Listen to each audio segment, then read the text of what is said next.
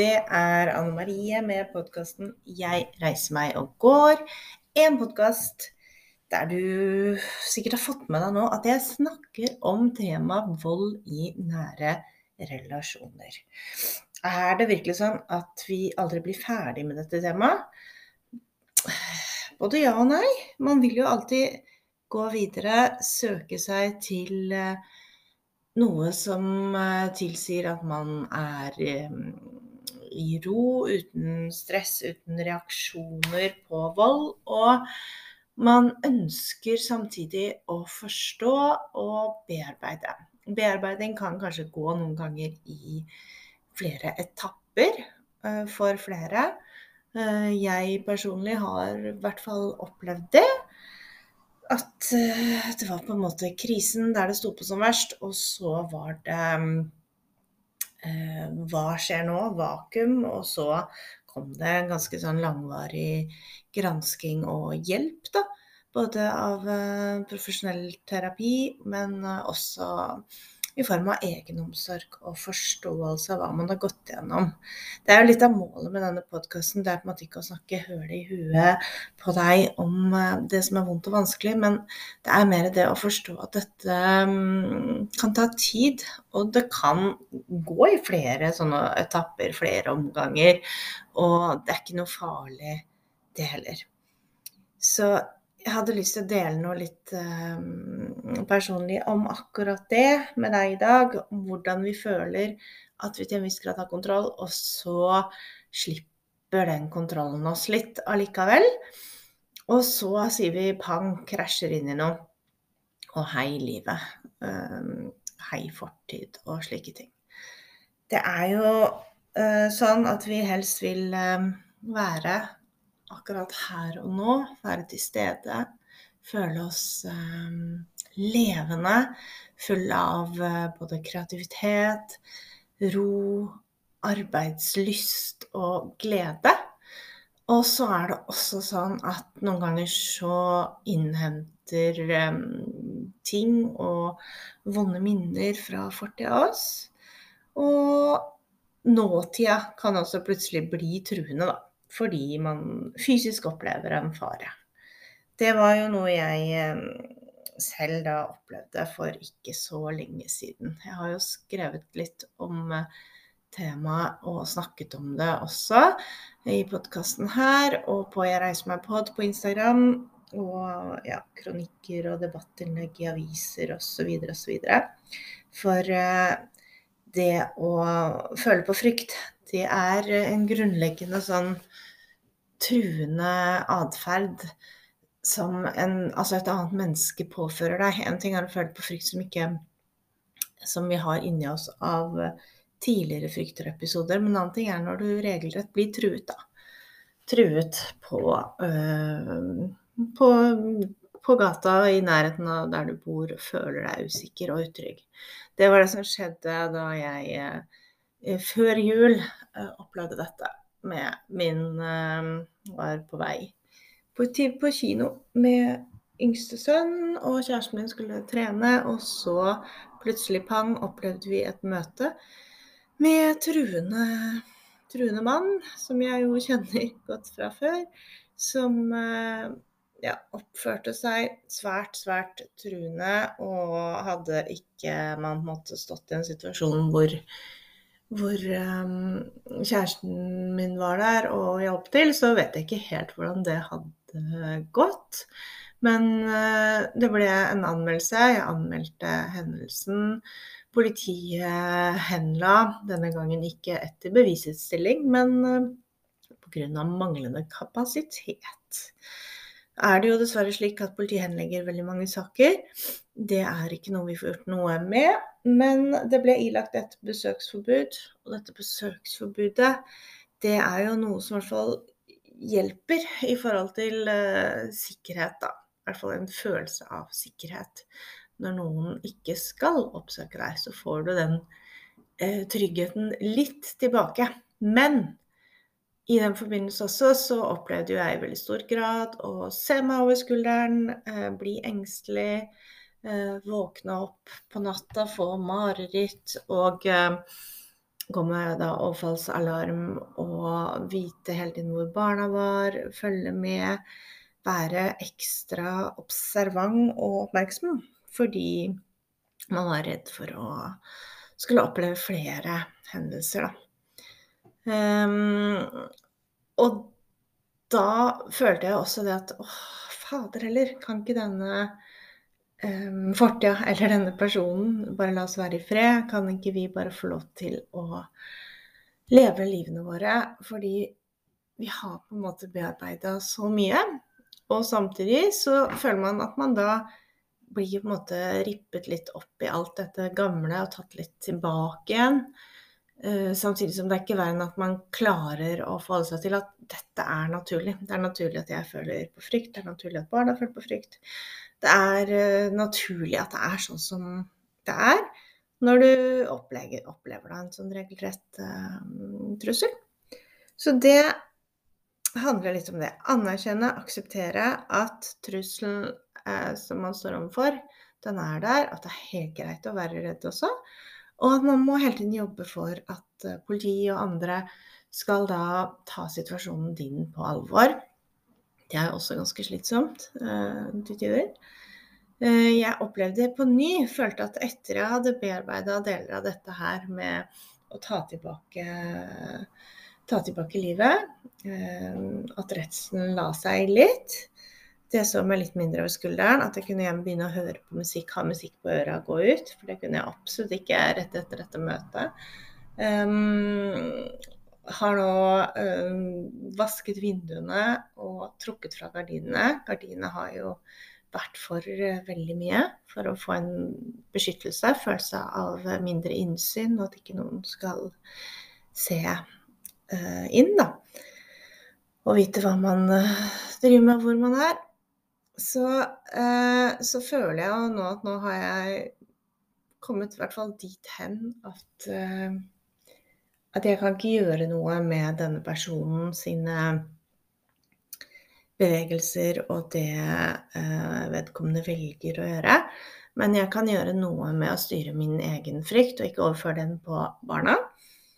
Bare ha en konkret plan på hva som skulle skje hvis vi skulle støte på på han igjen, og hvordan skal vi forholde oss til det.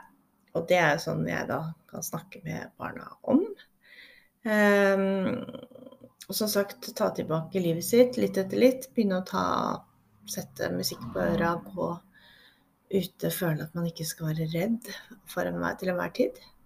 Og så kommer igjen dette her, um, som rettsvesenet og alt er lagt opp til her i Norge. Så er det jo sånn at når en person har blitt ilagt besøksforbud, så kan vedkommende mm, nekte for dette, og da må eh, saken inn for retten. Og det var det som skjedde nå for ikke så lenge siden, at det ble motsatt besøksforbud. Og jeg fikk da en beskjed om at det blir et rettsmøte, og at jeg kunne da få sagt min side av eh, saken, men at man ikke har plikt til å møte. Tok allikevel kontakt med flere som kunne gi meg juridisk råd og bistand, og krisesenter og det hele tatt, for å høre hvilke råd og tanker folk eh, profesjonelle har. Og det var vel ingen tvil om at de eh, aller fleste sa at hvis ikke man møter og ikke gir noe lyd eh, fra seg, så kan, eh, kan en dommer fort eh, gjøre det slik at um, saken ender måtte, i din disfavør, da. Betyr at det er ikke at dommeren bare hører på den som har møtt opp, som jo har stilt saken inn, tatt saken inn for retten, og som ut fra hva som blir sagt, og kan tolke det som om at, at den personen som meg, da, i dette tilfellet, ikke møter, at jeg da enten ikke engasjerer meg, eller at jeg ikke vil si noe. Og det er jo i seg selv eh, provoserende, men eh, fordi jeg syns at voldsutsatte skal få lov til å ha den retten og ivaretas eh, når det kommer til det at man ikke skal måtte si noe, uttale seg og møte. Fordi man jo er redd for vedkommende, ikke sant. Når du er redd for noen, så vil du ikke sitte i samme rom. Det vil i hvert fall ikke jeg. Det var det jeg formidlet da videre til Jeg ringte jo både til eh, de som behandlet saken i retten. Fikk beskjed om at jeg ikke trengte møte der, men så fikk jeg også veldig god hjelp og støtte eh, av eh, en advokat som hjalp meg. Og det som er fint å tenke på, er at du trenger ikke å gjøre ting du ikke har lyst til, fordi du føler det på kroppen din selv. Jeg følte veldig godt at det var en stor nok belastning å være redd etter eh, det som skjedde tidligere. Eh, og, og skulle da sitte og snakke i et rom og sitte og se på en person som du er redd for, det er ikke noe jeg kunne gjøre eller tillate meg selv å gjøre. Så det var helt greit. Advokaten som hjalp meg, sa jo at dette trenger du ikke. Og du kan eh, delta på telefon eller ved at advokaten stiller for meg. Men at det er fint at jeg eh, kunne delta på noen form, da. Da endte det med telefon. Og bare det å delta på telefon var såpass belastende. Jeg trodde at jeg var egentlig ganske klar for det. Men eh, det viste seg å bare høre stemmen til denne personen som eh, man er redd for, på andre siden, det eh, var nok til at jeg ja, nesten brøt ganske så godt sammen, holdt jeg på å si. I tillegg så skal det nevnes at akkurat i dette rettsmøtet så var det en dommer som var usedvanlig krass og ubehagelig og kjip. Som jeg også fikk bekrefta av av advokaten som, eh, som, var med på møtet. Og eh, dommeren ble faktisk eh, Det ble sendt inn en klage på dommeren i forhold til det at dommeren absolutt ikke hadde forholdt seg til som vanlig rettspraksis. Hun fremsto som både partisk, krass og var også eh, henvendte seg mens jeg snakket, avbrøt meg mange ganger, og henvendte seg også til da den personen som jeg absolutt ikke ville høre stemmen til, for å be om kommentarer og tilbakemeldinger underveis, som er veldig spesielt, da. Så, så det, derfor ble kanskje det møtet verre enn det jeg hadde sett for meg. Og det må sies. Men så må det også sies at det sitter liksom i oss, da. Dette irriterende um, Den redselen og den frykten. Det satt såpass sterkt i meg, både etter etter det jeg hadde mm, fysisk liksom følt på som trussel eh, tidligere. Og så ved å ha et møte på telefon. Uten Altså det var ikke et videomøte engang, men uten å se vedkommende. Men allikevel bare det å høre var jo veldig skremmende for meg. Så det er um, Det jeg ville snakke om nå, faktisk, er at det er helt naturlig, hvis du føler det sånn, at du liksom går litt tilbake på noe vis. Hvis du opplever uh, ulike utfordringer etter at volden har uh, gitt seg, kan du si. Og at du står overfor situasjoner hvor du på ny blir truet, så er dette en form for, om liksom en psykolog ville kalt det for retraumatisering eller uh, ja, hva nå det måtte være, så er ikke det så viktig. Men det viktigste er bare at du du, du reagerer på, på, fare, og du reagerer også på eh, bare en person som gir deg det ubehaget. ikke sant? Og det tror jeg alle kan kjenne seg igjen i. Også de som ikke har vært utsatt for eh, vold i en nær relasjon. Men bare mennesker som bringer uhygge med seg, rett og slett, på en arbeidsplass eller som man helst vil unngå, da. Og det er jo også liksom helt eh, helt greit at man føler det slik. For sånn Noen mennesker har ikke de har man ikke behov for å være i nærheten av. For det er viktig å tenke på. Så dette um, ville jeg på en måte bare snakke om nettopp av den grunn at det er normalt om du føler at å, jeg skulle vært jeg skulle vært uh, lenger i min prosess, og det er jeg dessverre ikke. Fordi at jeg reagerer som jeg gjør. Så tenker jeg at det er helt normalt å reagere på alle mulige måter. Eh, jeg er av eh, natur, vil jeg vel si, ganske sånn uh, følelsesmenneske. Så, så, for meg å bare ikke anerkjenne følelser og overse dem, det, det funker egentlig dårlig.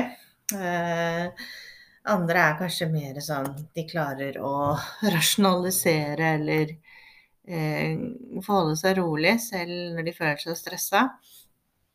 Eh, ikke jeg, altså. Det er ikke min beste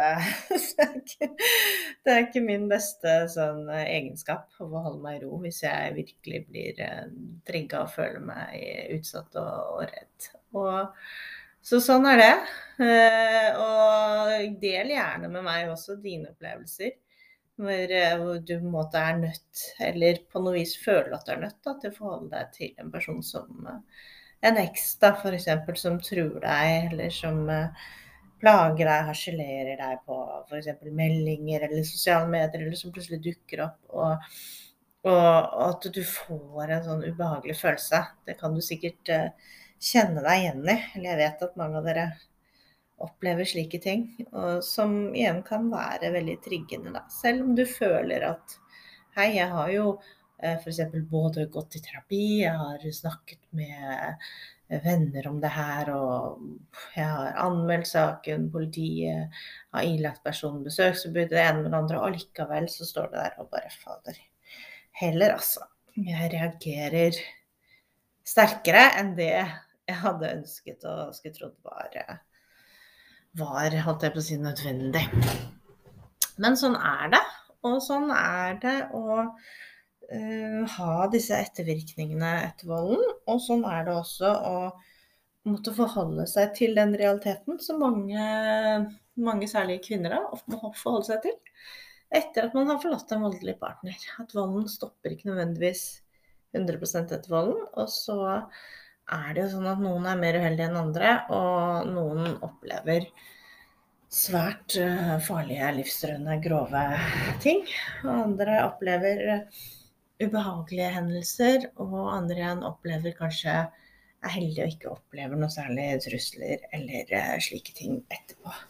Men vit at følelsene dine som du da um, kjenner på, de skal du på en måte ikke bare le av eller ikke anerkjenne. For det er igjen altså helt normalt. Og føle på redsel når man blir eh, trua. Det er helt normalt at kroppen reagerer på en person som har skapt mye smerte og, og, og redsel eh, tidligere. Hvis du da møter denne personen igjen. Eller hvis du da bare møter noen som ligner på den personen, stemmen, alle disse tingene her. Det er jo tegn på at hvis man har for mye av denne frykten i seg hele tiden, så må man jo på en måte jobbe med det med å oppsøke en terapeut og sakte, men sikkert bearbeide dette um, så godt uh, det lar seg gjøre. Men ikke bli redd, da. Hvis du kommer med i situasjoner der du føler på frykt, redsel og, og en sånn direkte Ja, at dette er truende, og at du reagerer kanskje mer enn det du selv hadde ønsket å tillate deg selv. For det er ikke du sånn sett. Vi er jo bare Altså følelser er jo også bare følelser. Reaksjoner er reaksjoner. Vi er jo ikke disse følelsene. Vi er ikke disse reaksjonene. Og de går jo over. Så det er ikke noe farlig heller. Det har jeg på en måte måttet si til meg selv eh, også. Og så er det jo noen sånne små ting som kan hjelpe oss litt fortere gjennom det eh, når man opplever truende hendelser. Det er jo selvfølgelig å snakke med noen eh, du stoler på. Har du en nær venn, en eh, kjæreste, et familiemedlem, mamma Altså noen som du kjenner godt, og som du kan betro deg til, så gjør for all del det. Snakk om det. Bare det ved å lufte tankene og redslene og det man føler, jo fortere blir de på en måte eh, mindre intense. Det blir mindre sterkt. Man gir de mindre makt på noe vis. Så det er uh, i hvert fall et tips. Um, et tips til er jo å altså ikke nødvendigvis tvinge deg til å bryte ut av frykt og angst, men gjøre ting som får deg til å ikke fokusere så mye på det. Og det kan være eh, trene, ikke sant. Gjøre noe fysisk. Gå en tur. Um, gjøre noe du er glad i å gjøre. Hvis du er glad i å tegne eller noen sånn håndverksting, eller lage smykker, eller sette sammen blomster, eller uh, eller hva vet jeg, kanskje du elsker å vaske opp. Eh, noe som får deg inn i en annen tilstand, hvor du må gjøre ting. Eller male, male noe. Det er altså male et hus, liksom. Bare stå og male. Gjøre noe som ikke får deg til å kanskje tenke så mye. Ut i aktivitet, fysisk eh, aktivitet. Og er du redd for å gå ute, så tren inne. Men bare gjør noe som får deg til ikke ligge helt i eh, sånn fosterskilling og være kjemperedd. For det kan jo fint være en uh, liten stund, men du bør på en måte ikke bli liggende der, da. Det er ikke nødvendigvis det som hjelper. Det er Alle kan ligge i fosterstilling, og så kan vi tenke at OK, la meg i hvert fall gå og hente meg en kopp te, la meg gå og ta meg en dusj. Jeg skal uh, gjennomføre dette disse yogaøvelsene eller denne styrketreninga her, eller, eller, bare lage ferdig et kunstverk. Bare gjør noe. Gjør noe som får deg vekk fra de veldig direkte kanskje reaksjonene. For de er jo ikke så sunne å ha over tid. Sett på musikk, dans. Ja. Mange leser en bok hvis du klarer å gjøre noe annet som du kan konsentrere deg om. Så det er i hvert fall noen tips der. Um, Videre så er det allikevel det at vi må på en måte anerkjenne at kroppen jobber, og at vi fremdeles kanskje må bearbeide mer da, enn det vi hadde ønsket og håpet på. Og at det egentlig ikke er så Det er ikke så farlig, liksom. Tenk deg det at den derre flink pike-syndrom, f.eks., det kan du bare legge vekk og tenke at vet du hva, nå trengte jeg å sitte og og føle på dette her. Nå trengte jeg å grine, nå trengte jeg det. Og så lar du deg gjøre det, og så legger du det vekk. Og klarer du det for absolutt ikke, så er det jo selvfølgelig eh, lurt å mm, kontakte en profesjonell da, innen terapi eller meditasjon eller ja, det du måtte ønske, egentlig. Det er jo opp til deg Det finnes mange gode samtalepartnere også, som er på en måte ikke, ikke klassifiserte terapeuter, men det kan være coacher, det kan være folk som har vært gjennom samme som deg. Det kan være veldig mange forskjellige typer mennesker. Men eh, husk at du er ikke rar hvis du eh, føler på etterreaksjoner, eh, og at du blir redd, og at du føler deg trua når du fysisk har blitt trua, eller når du på en måte blir tvunget til å forholde deg til et menneske fra fortiden din som du eh, helst hadde sett ikke var en del av livet i det hele tatt, men som tvinger seg på en måte inn i livet ditt igjen ved å skremme deg og gjøre ting. Så husk at du har eh, som sagt også rettigheter og plikter, plikter selv holdt jeg på å si, til å si at dette vil jeg ikke. Jeg vil ikke sitte i samme rom som vedkommende. Selv om da kanskje du får beskjed av jurister eller advokater at det bør du, så finnes det alltid en løsning. Hvis du ikke klarer det, så finnes det alltid en løsning. Dvs. Si at du kan delta eh, gjennom en advokat, eller du kan delta eh, på telefonen, eller du kan eh, du må du kan delta på en måte som gjør at du føler deg trygg. Og det finnes absolutt alltid muligheter. Og der er jo advokater igjen uh, gull, fordi der slipper du å forholde deg til uh, paragrafer og byråkrati og piss, og kan egentlig bare forholde deg til det du vil formidle, det du må formidle, og det du liksom må for å slippe å føle at du står i en verre situasjon, da. Så advokater er um, herlige folk som kan hjelpe deg når du ikke eh, klarer å ta støyten selv. Og som også kan sette på en måte ned loven og fortelle folk at vet du hva, sånn, eh, sånn er det, altså. Disse menneskene her skal slippe det. Altså, de, de kan det med paragrafer og alt i hånda. Og du må bare sende meg en melding hvis du vil ha råd på dyktige advokater. For nå har jeg i hvert fall et veldig godt navn her, som eh, jeg syns var utrolig betryggende og fint. Så hvis du trenger det, så send meg, send meg en uh, direktemelding på 'Jeg reiser meg pod', så kan jeg gi deg noen råd og konkrete tips der. Så håper jeg at du tenker litt på det. At hvis du uh, er i den situasjonen, at du uh, må noe, og at du føler at kroppen sier ifra, så ta det på alvor. Det er ikke farlig, og det er helt naturlig at kroppen sier ifra når du har vært utsatt for vold og traumer. Uansett hvor lang tid tilbake eh, vi snakker, så kan det komme frem. Og uansett hvor mye du føler du har, og du har altså bearbeidet ting og gjort, så er det likevel veldig naturlig at vi føler på frykt og får reaksjoner. Så ikke vær redd for det. Det er bare en del av eh, dette litt hersete og irriterende vold- og traumefeltet som vi alle kan eh, komme innom noen ganger her i livet. Så hvis du har noen andre spørsmål, så send det til meg på Instagram. Jeg reiser meg på direktemelding der. Og jeg bare gjentar igjen at du må bare sende meg melding to ganger hvis du ikke får svar eh, med en gang. Fordi eh, jeg har vært noe sånn uhell hvor jeg ikke har sett de, og de har kommet eh, lang tid etterpå. Så bare send meg melding på ny. Eh, nå har jeg dessverre vært litt lite aktiv i det siste.